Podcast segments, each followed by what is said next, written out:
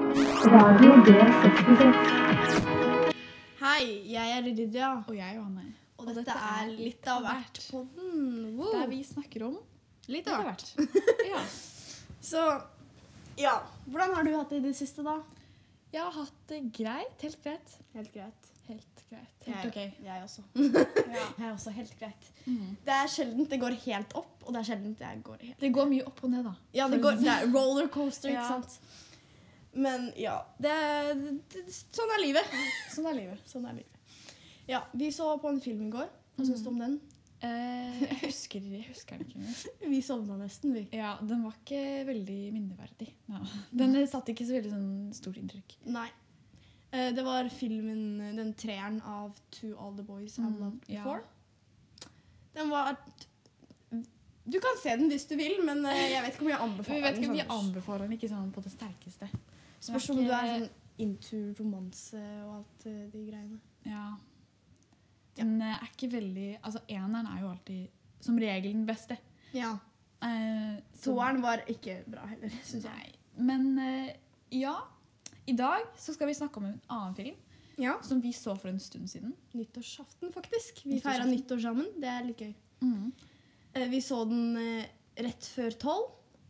Eh, Klokka ble tolv, og så så vi den etter eh, fyrverkeriene. Ja, og sånt. Eller vi så den ferdig, da, for den varte en stund. mm, den gjorde det.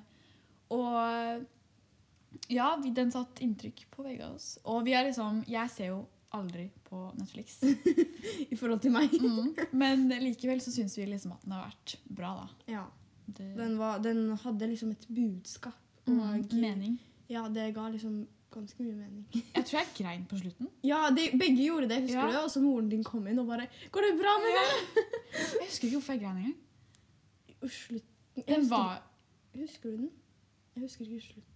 Nei, men Det var i hvert fall litt sånn følsomt. husker Ja, jeg. det var ganske fugl- fuglsomt. Følsomt. Ja, du så liksom at sånne utslitte ungdommer ble liksom så Mhm. De fikk så mye håp og Ja, det var veldig Ja, sånn vi skal snakke mer om dette. vi snakker mer om det etterpå, Ja, og så dere får bare høre på videre. Hvis Ja. dere vil. stay tuned. Radio B66. Denne filmen heter da Freedom Riders. Woo! Ok. Eh, Den ble gitt ut i 2007, og den eh, var eh, regissert av en som heter Richard Lagravenes. Jeg vet ikke hvordan man uttaler det, men det var nære nok. Eh, Denne filmen var da inspirert av en sann historie og dagbøker til, ek eh, til ekte tenåringer fra Long Beach, California på slutten av nitt- 90-tallet. Eh, filmen den handler i hovedgrunn om raseskille, rasisme og intoleranse. Altså mangel på toleranse. Eh, den handler også om inspirasjon og håp som elevene får fra læreren eh, Erin Gruel, Gruel. som kommer inn på Wilson High School som første dag som lærer. Woo! Ja, så handlingen foregår da på en eh, videregående skole eh, i USA, California, på ca. 90-tallet, Mhm. tror jeg. Erin hun begynner da som lærerinne på denne videregående skolen, eh, som har gått fra å være topprangert til eh, det stikk motsatte eh, pga. utfordringene med å integrere elever fra ulike multikulturelle grupper, som vil si at elevene er i sånne typiske grupper eh, uavhengig, nei, avhengig av rase og hudfarge, og lever i en hverdag prega av mye vold og gjengvold. da. Ja, som sagt så er jo da klassen hennes eh, en multikulturell gruppe med tenåringer fra eh, de nedre samfunnslag. Eh, det er bl.a. Afro, mm, afroamerikanere der, eh, latinos, asiatere, eh, ungdoms, ungdomsforbrytere, eh, gjengmedlemmer og underprivilegerte elever fra fattige nabolag som ikke har annet håp enn å bare komme seg gjennom dagen sin, fordi de har ganske mye å tenke på som De tenker mer på livet sitt enn skole og utdanning. Alle lever veldig, i et veldig tøft miljø og har eh, egne ting de sliter med da, hjemme. De må liksom prøve å overleve. Mm, det er liksom deres hovedfokus. Mhm.